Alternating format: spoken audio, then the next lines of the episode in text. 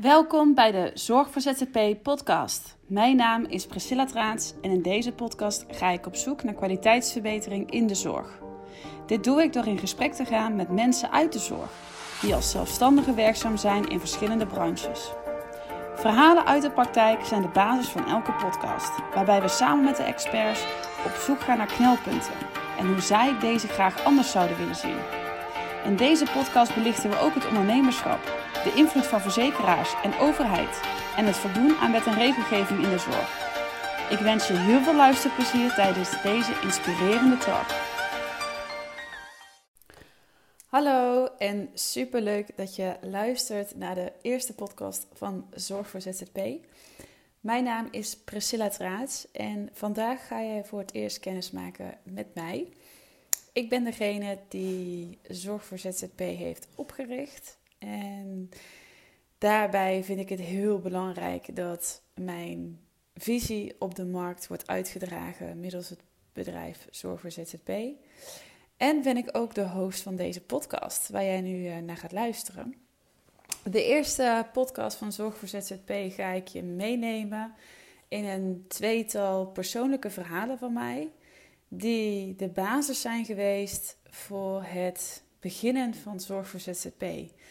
En ehm, misschien is het ook wel leuk om te vertellen dat ik zelf uh, ondernemer ben. Ik uh, ben zelf online marketeer. Ik ben op mijn achttiende gestart bij een uh, online marketingbureau. En nadat ik ehm, jarenlang in de marketing en sales heb gewerkt, um, ja, lonkte toch dat ondernemerschap heel erg. En ik denk dat heel veel mensen in de zorg dit erkennen. Ze jarenlang bij een werkgever hebben gewerkt. En ja, op een gegeven moment merk je toch gewoon dat ja, jezelf ontplooien, um, als je dat natuurlijk wil, ja, dat dat echt wel perfect past bij het ondernemerschap. Je eigen keuzes maken, je eigen tijd indelen. Uh, het feit überhaupt dat je kunt, keuzes kunt maken. En als ik dan ga kijken naar de markt uh, waar zorgverleners zich in bewegen, en dan met name natuurlijk de ZZP'ers, ja, dan zie je gewoon dat steeds meer zorgverleners kiezen voor het ondernemerschap. Um, ondanks dat het in deze uh, markt natuurlijk niet vanzelfsprekend is en ook niet um, heel makkelijk is om zelfstandig te ondernemen. Um, later ga ik daar wat meer over delen. Uh, maar nu wil ik je graag als eerste meenemen naar een persoonlijk verhaal van mij. Um, waarin ik op een bijzondere manier heb kennis gemaakt met hoe de zorg kan werken. En uh, dat uh, kwam, mijn zoontje werd geboren bijna vier jaar geleden, of ja, iets langer dan vier jaar geleden zelfs al. En hij had last van eczeem. Echt een paar weken na zijn geboorte begon, begon de eczeem al. En uh, nou ja, weet je, iedereen zei tegen me, oh joh, dat, daar gooit hij wel over een Een paar jaar en dan, uh, dan is hij daar helemaal vanaf.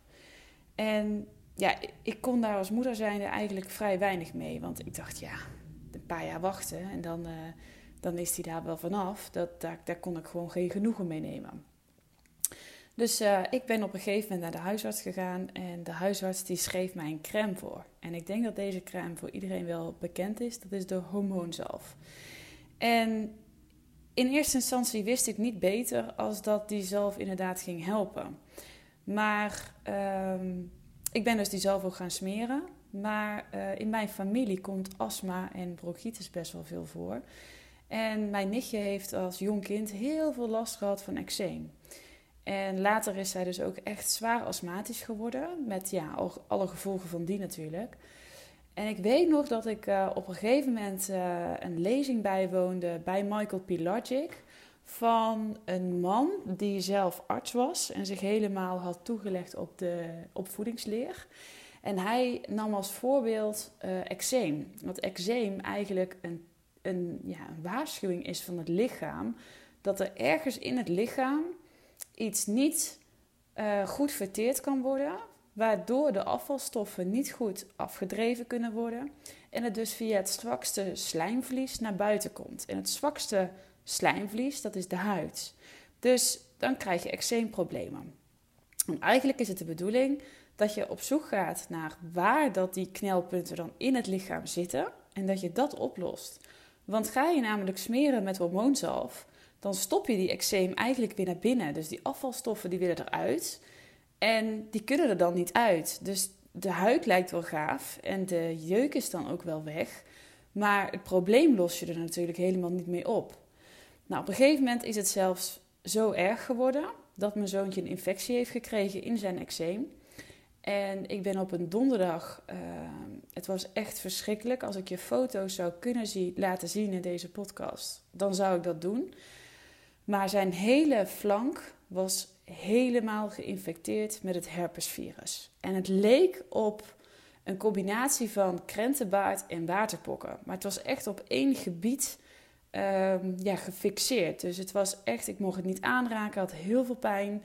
En ik ben naar de huisarts gegaan en de huisarts concludeerde dat het krentenbaard was.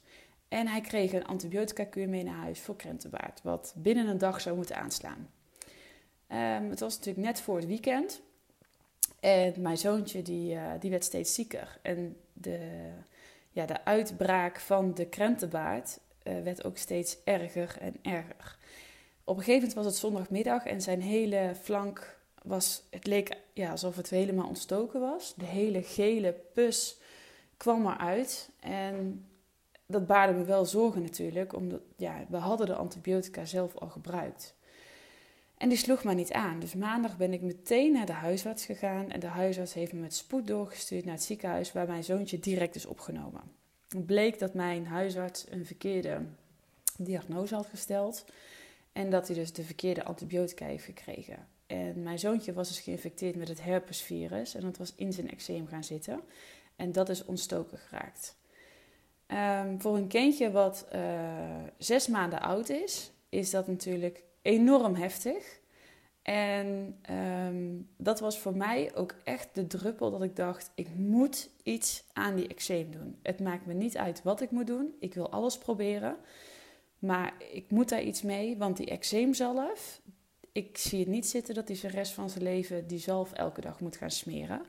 Want in het ziekenhuis kreeg ik namelijk van de dermatoloog een behandelplan. En dat klonk heel gewichtig. Ik dacht, nou, een behandelplan. Dan, nu, nu gaan we echt aan de slag met de oorzaak van zijn eczeem.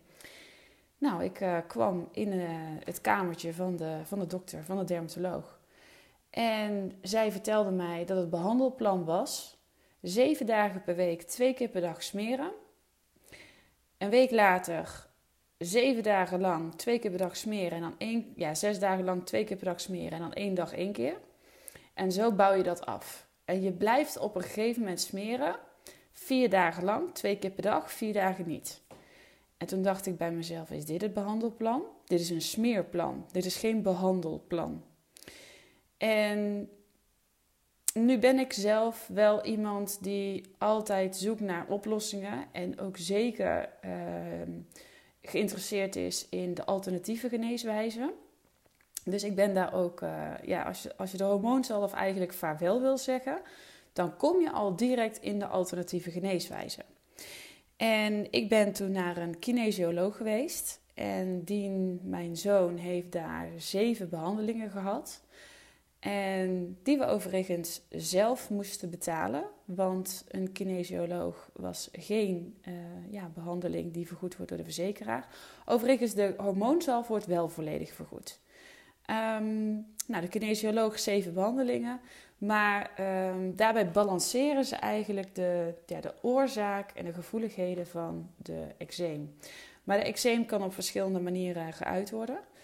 Um, een jaar later uh, ben ik, ja, merkte ik dat die eczeem toch wel weer de kop opstak. En moest ik steeds vaker toch wel weer even grijpen naar die hormoonzalf, wat ik niet wilde. En toen ben ik terechtgekomen bij een alternatief uh, geneeswijzer die aan de hand van geluidsgolven gaat onderzoeken waar de problemen zitten in het lichaam. Dus welke organen eigenlijk een soort van dysfunctioneren hebben, waardoor afvalstoffen niet goed afgevoerd kunnen worden. Nou blijkt het zo te zijn dat mijn zoontje uh, moeite heeft met bepaalde afvalstoffen af te voeren via de lever. En dat het ook wel in zijn DNA zit. Dus helemaal 100% van zijn eczeem zal hij nooit afkomen. Omdat zijn DNA een bepaalde samenstelling heeft dat er gevoeligheid in de huid altijd aanwezig zal zijn. Maar de voorgeschreven oplossing, en die zal je wellicht verbazen, is MSN. En MSN is een soort van zwavel. Dat zijn uh, pilletjes. Die, uh, die geef je. Ik geef hem drie keer per dag aan hem. En uh, met die pilletjes kan hij drie maanden vooruit. Een pot kost 7 euro. En hij is voor 90% van zijn eczeem af. En er zijn mensen die vragen aan mij: hoe ben je omgegaan met eczeem? Want ja, we, we hebben hormoonzalf, maar we zien dat, ja, dat er allemaal vlekken ontstaan op de huid en de huid wordt dunner. En ja, als ik ga zoeken op internet, dan zie ik ook allemaal verhalen dat hormoonzalf helemaal niet de bedoeling is. Maar ik weet gewoon niet wat ik anders moet doen. En ik vertel mensen dan wat ik allemaal heb geprobeerd. En dat ga ik in deze podcast niet allemaal behandelen. Maar ik heb echt uh, theebaden gemaakt. Ik heb havermout in bad gedaan. Ik heb peptimelk gegeven.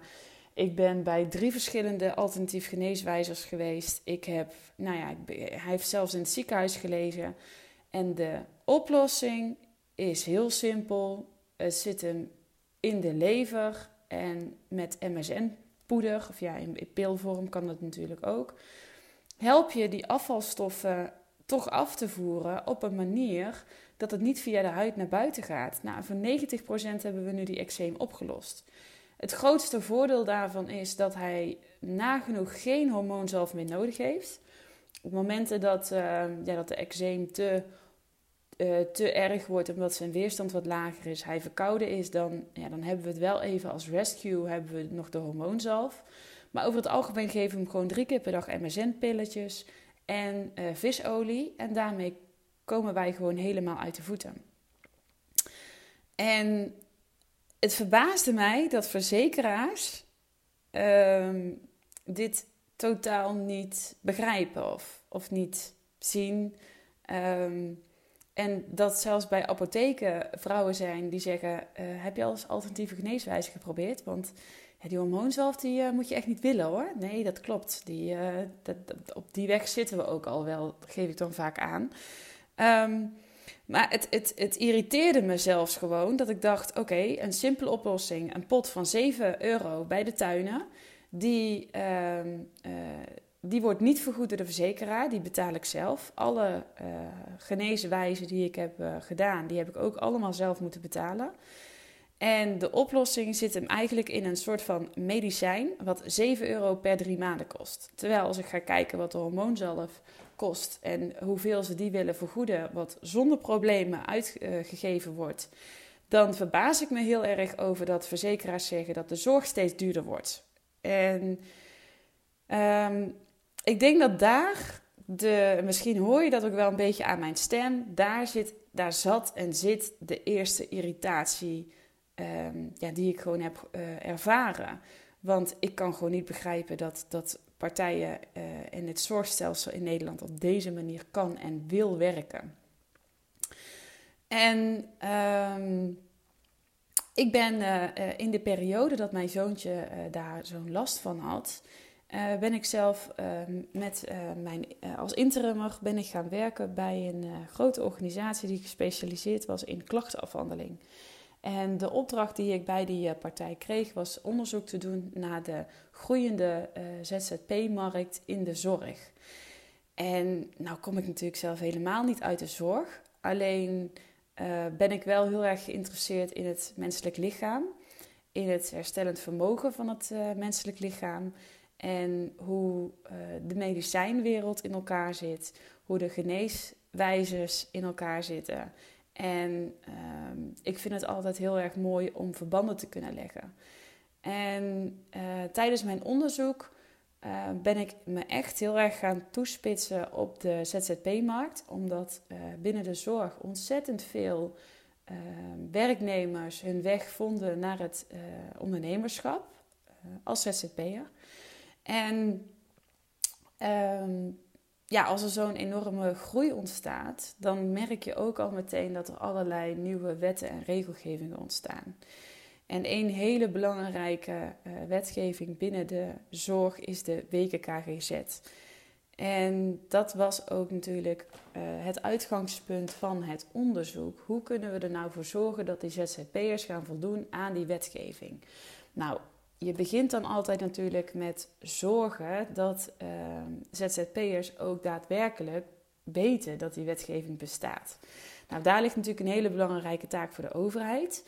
Uh, maar je merkt dat overheden ook prioriteiten moeten stellen. Er komen heel veel nieuwe wetgevingen bij. En um, campagne voeren voor een nieuwe wetgeving of voor nieuwe, ja, nieuwe regelgevingen. Um, ja, daar worden gewoon keuzes in gemaakt. Er worden budgetten aan toegekend.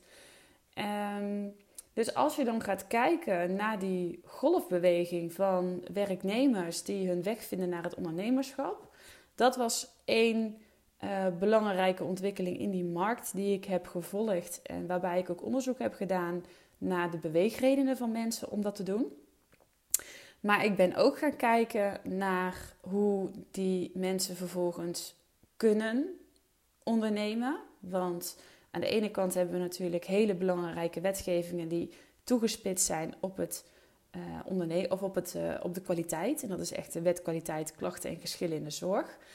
Maar andere wetgevingen die moeten juist het ondernemerschappen bevorderen. En dat zijn bijvoorbeeld wetgevingen die uh, wet, wet DBA. Dus hoe kun je nou zorgen voor zelfstandig ondernemerschap?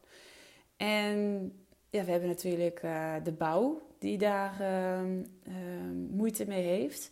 Maar de zorg natuurlijk ook enorm. Want ik heb in mijn onderzoeken ook uh, de kant van de zorg leren kennen, waarbij uh, grote partijen gecontracteerde zorg kunnen aanbieden. En dus contracten hebben met verzekeraars, maar contracten die ZZP'ers niet kunnen sluiten. En uh, heel veel ZZP'ers zijn dus verplicht om zich aan te sluiten bij een bemiddelingsbureau, zoals we dat zeggen, um, die uh, gecontracteerde zorg eh, die, die, die gecontracteerd is bij de zorgverzekeraar. En eigenlijk houd je daarmee uh, schijnzelfstandigheid in stand. En dat vond ik heel erg apart. Want aan de ene kant vindt de overheid het heel erg belangrijk dat de kwaliteit in de zorg verbetert. En aan de andere kant uh, wordt er heel erg tegengewerkt om die kwaliteit in de zorg überhaupt te kunnen verbeteren. Um, want de overheid houdt bepaalde uh, structuren ook gewoon in stand. En dat, dat, dat sloot eigenlijk naadloos aan op mijn eigen ervaring met mijn zoontje. Want ik vond het zo bizar dat ik uh, nog niet eens dat ik alles zelf moest betalen. Want dat, dat, toen dacht ik, oké, weet je, je, kunt ook jezelf um, extreem gaan verzekeren. Alleen alternatieve geneeswijze wordt nagenoeg niet vergoed. Um, of heel beperkt. Dus de kans om te zoeken en op, echt op onderzoek uit te gaan naar waar die oorzaken liggen, dat, ja, dat zul je dan toch wel zelf moeten doen. Um, maar wat mij wel heel erg verbaasde, is dat veel mensen in de zorg um, een bepaalde richting opwerken. En, um, en, en dat, dat, ja, dat dat hele clubje eigenlijk, de hele structuur in stand gehouden wordt. En dat, dat, uh, dat vond ik best wel schrikbarend. Um, want ik, ga het, ik zal het makkelijker benoemen. Want als we het hebben over de, de beweging, je hebt bijvoorbeeld binnen zorgverzekeraars, is het zo dat je uh, gecontracteerde zorg hebt. Dus uh, de, de, de verzekeraar koopt elk jaar zorg in bij verschillende partijen.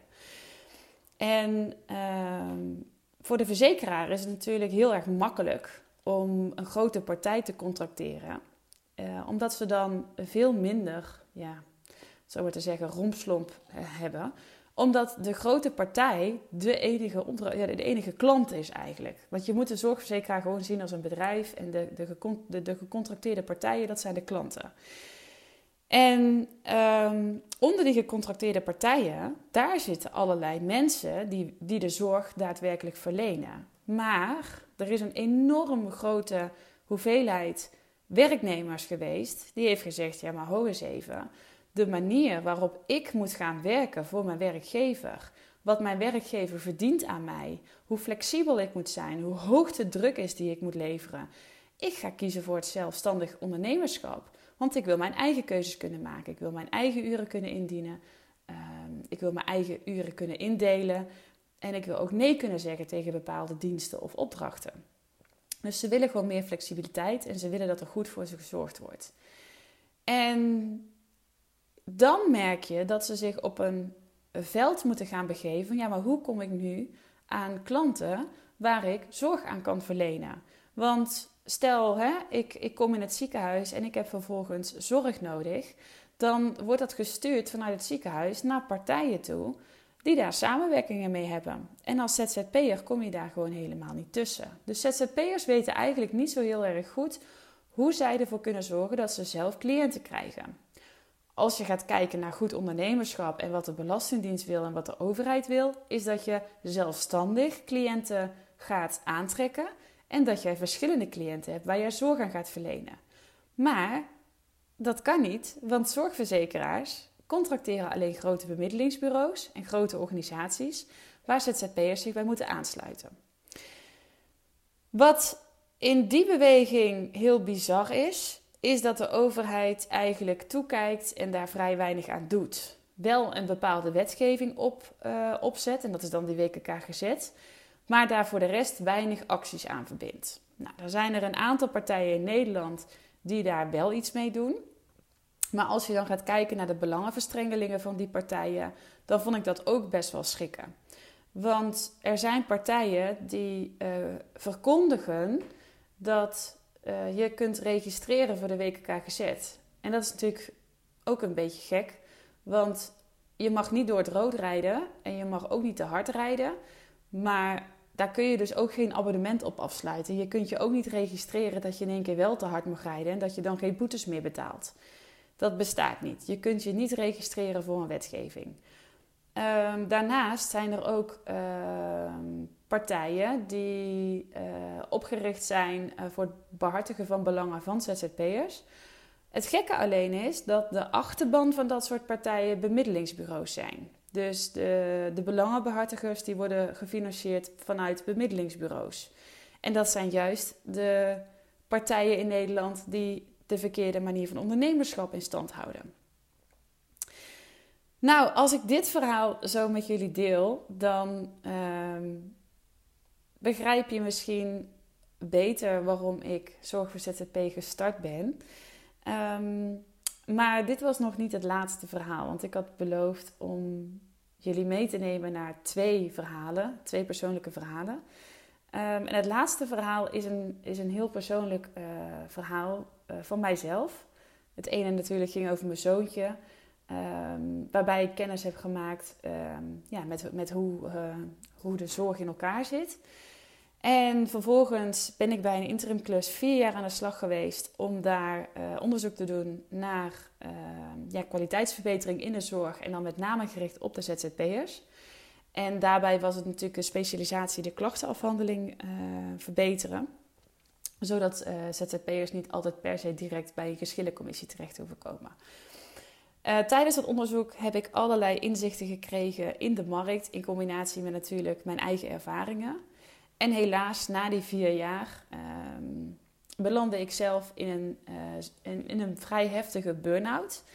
En mocht je daar meer over willen weten en over, uh, ja, vind het leuk om, om daarover vanuit mij als persoon meer te leren, dan mag je natuurlijk ook altijd mijn eigen podcast volgen, want dit is namelijk de Zorg voor ZZP podcast. Maar ik heb ook een podcast die heet Uncommon en daarin ga ik je, uh, neem ik mensen mee op mijn reis, mijn ondernemersreis, maar ook mijn reis um, naar, uh, op zoek naar jezelf, naar het verbeteren van jezelf en het herstellen van een burn-out. En um, wat mijn ervaringen zijn geweest met begeleiding en verzekeraars. Want uh, dat was een heel heftig traject. Um, als ik, uh, nou ja, na die vier jaar, ik heb natuurlijk heel mijn leven lang hard gewerkt en er zijn allerlei redenen waarom je uh, in een burn-out terechtkomt. Dat ga ik in deze podcast niet behandelen. Uh, daarvoor mag je dus naar de podcast Uncommon gaan, want daarbij ga ik dat wel behandelen. Maar ik belandde dus in een, uh, in een burn-out.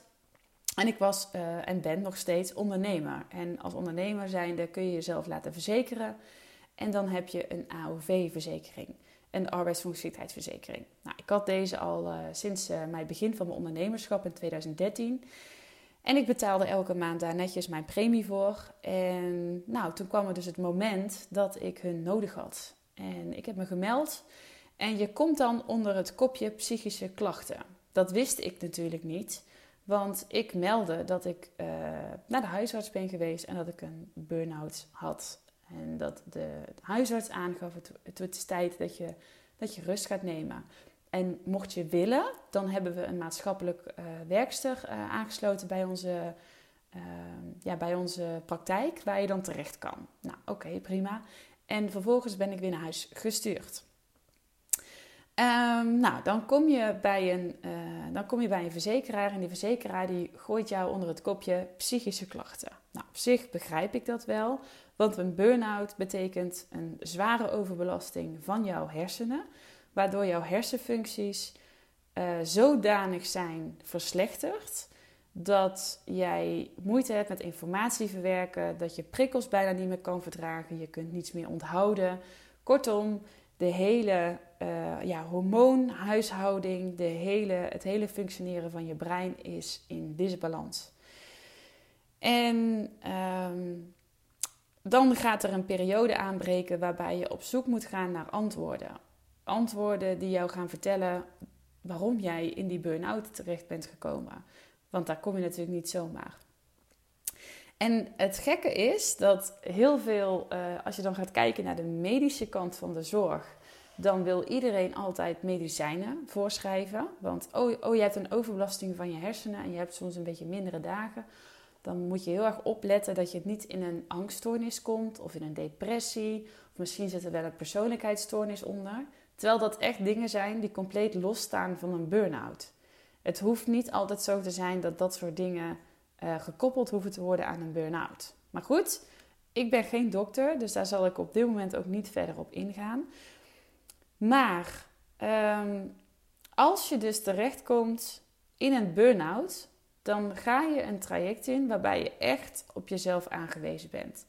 Want een zorgverzekeraar is uh, niet bekend met de term burn-out.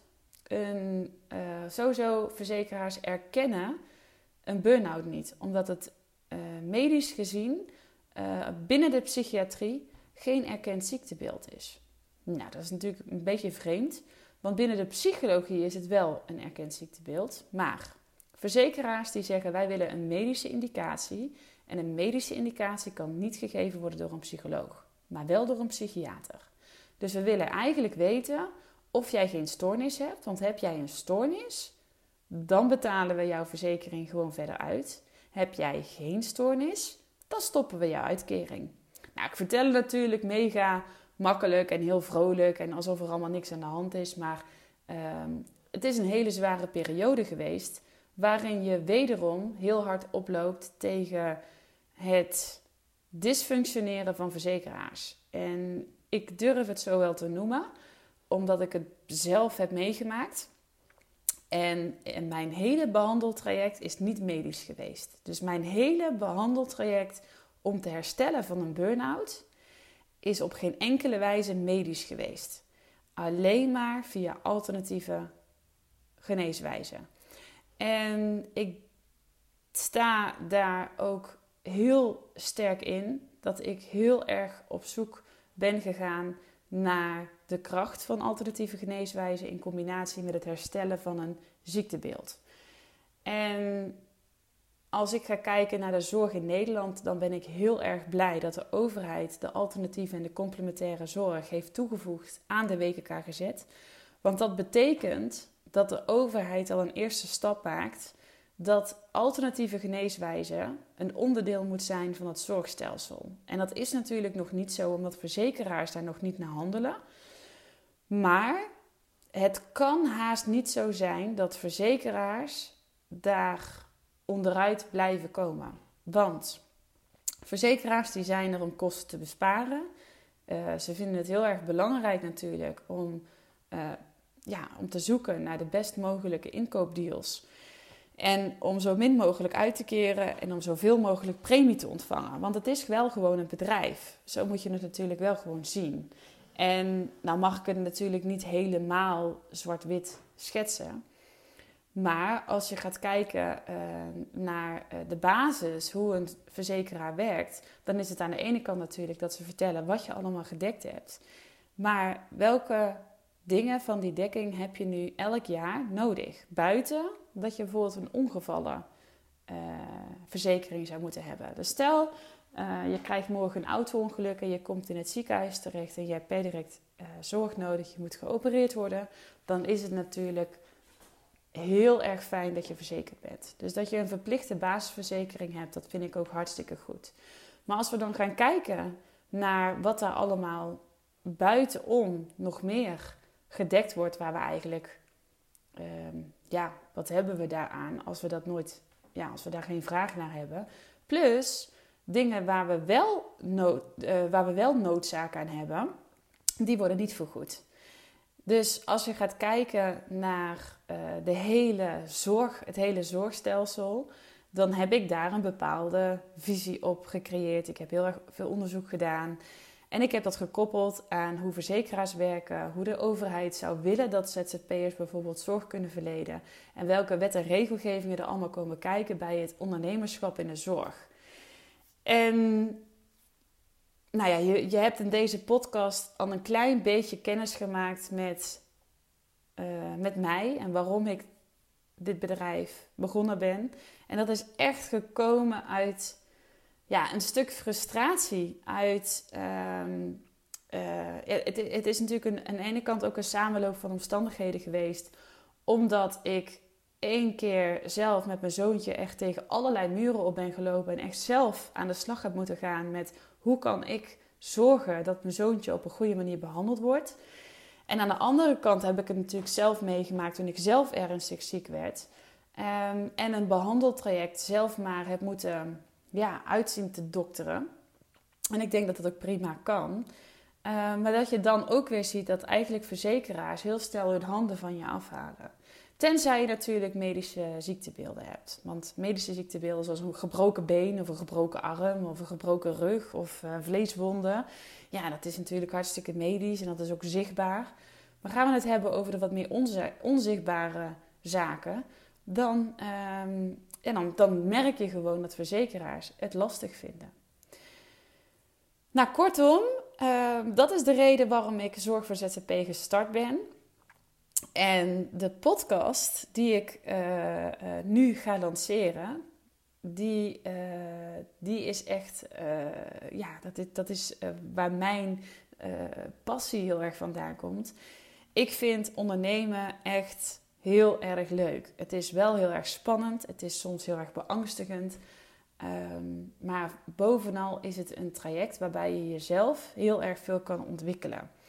En eigenlijk gun ik iedereen de mogelijkheid om te kunnen ondernemen. Maar wel op een manier dat je vrij kunt zijn in je ondernemerschap en dat je iets kan toevoegen. Iets kan toevoegen aan de wereld, iets kan toevoegen aan wat voor mensen belangrijk is, maar ook wat voor jezelf belangrijk is. En in deze podcast ga ik op zoek naar antwoorden om de kwaliteit in de zorg te verbeteren.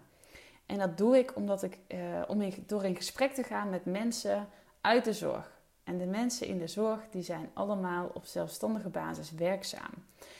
En je kunt in deze podcast uh, verschillende mensen verwachten waarmee ik in gesprek ga. En de eerste twee, dat zijn twee dames die uh, als ZZP'er werkzaam zijn als psychiatrisch verpleegkundige. En ik ga met hen in gesprek over uh, cliënten die bijvoorbeeld binnenkomen op de crisisdienst waar zij allemaal tegenaan lopen. Of een cliënt uh, met psychoses. Wat, wat wordt er allemaal gedaan op medisch gebied? Uh, zijn er mogelijkheden voor herstel? En waar kunnen mensen dan terecht? Wat zijn de paden die mensen kunnen lopen? En wat, zijn, wat is hun visie op een verbetering binnen de zorg waar zij invloed op zouden kunnen hebben? Dus in deze podcast ga ik in gesprek met allerlei verschillende mensen die werkzaam zijn als ZZP'er in de zorg. En dat mogen mensen zijn in de cosmetische zorg, dat is cosmetische artsen, schoonheidsspecialisten, huidtherapeuten. De mensen in de medische zorg, verpleegkundigen, verzorgenden, helpende, artsen, tandartsen, verpleegkundigen, uh, mensen in de psychische zorg, dus psychologen, psychiaters. Ehm, maar ook bijvoorbeeld mediators of coaches. Maar we gaan ook in gesprek met mensen die werkzaam zijn in de alternatieve zorg. Want we zien ook steeds meer dat mensen medisch zijn opgeleid en vervolgens een stuk alternatieve geneeswijze gaan toevoegen aan hun zorgverlening. En ik zie dat heel veel op het gebied van mensen die werkzaam zijn als verzorgende. En die zeggen: Ja, ik vind het geweldig om mensen uh, te helpen met, uh, ja, met mijn werk. Alleen uh, ze, zijn, ze merken dat dat niet voldoende is. Ze willen meer. Ze willen meer kunnen bieden. En net als ik en mijn ervaring zijn die mensen ook op zoek gegaan naar antwoorden die buiten de medische wereld te vinden zijn. En ik zie ook en hoor bij mijn lezingen steeds vaker dat de mensen die daar komen, die zeggen: Ja, ik ben verzorgende, maar ik heb daarnaast ook een praktijk opgezet als uh, magnetiseur. Of de dames die werken in de palliatieve zorg, heb ik vorige keer gesproken. En in de palliatieve zorg begeleid je mensen natuurlijk in een laatste levensfase. De laatste levensfase waarbij mensen gaan overlijden. En dat kan een heel spiritueel proces zijn. Want het einde van het leven nadert. En binnen de palliatieve zorg wordt er een stuk spiritualiteit meegenomen in de begeleiding van die mensen in de laatste levensfase. Waarom wordt dat op dat moment pas toegevoegd? Want eigenlijk, als we gaan kijken naar de alternatieve geneeswijzen, dan gaan we heel erg terug naar de basis van ons bestaan. De basis van ons zelfherstellend vermogen. Wat is er uh, aan de hand dat mensen zo ziek worden? Hoe komt het dat mensen zo'n last hebben van bijvoorbeeld suikerziekte? Hoe kan het zo zijn dat we allemaal overgewicht hebben? Wat voor invloed heeft de voedingsindustrie op het zorgstelsel? Wat voor invloed zouden verzekeraars bijvoorbeeld kunnen uitoefenen op de voedingsindustrie om te zorgen dat mensen weer gezond worden? Allerlei vragen waarmee ik in deze podcast op zoek ga naar antwoorden. Het gaat een hele inspirerende podcast worden. Dat ga ik je nu al vertellen.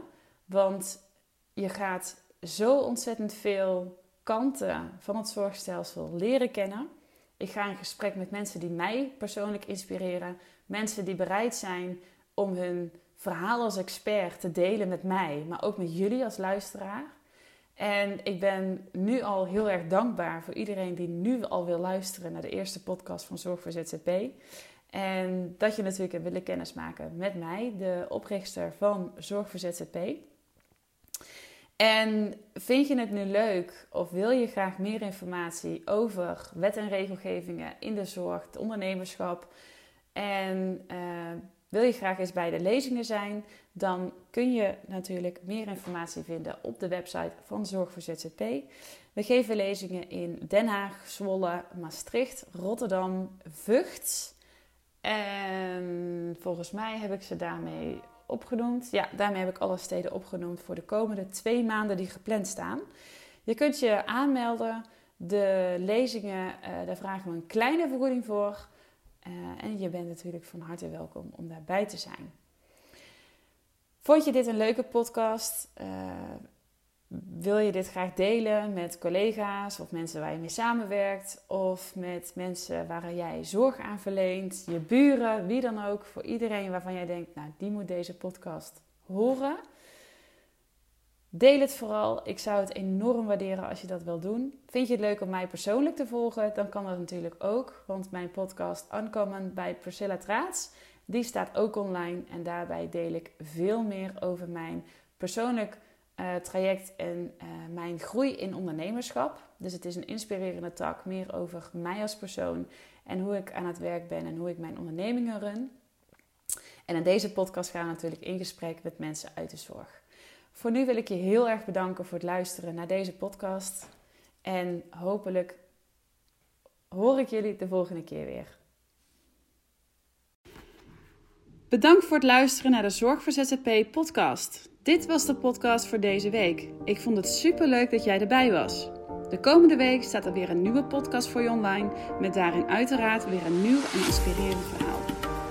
Mocht je het leuk vinden, dan vind ik het natuurlijk heel erg fijn als je deze podcast wilt delen met de mensen om jou heen die net als jij werkzaam zijn in de zorg, ondernemer zijn en continu op zoek zijn naar groei en verbetering.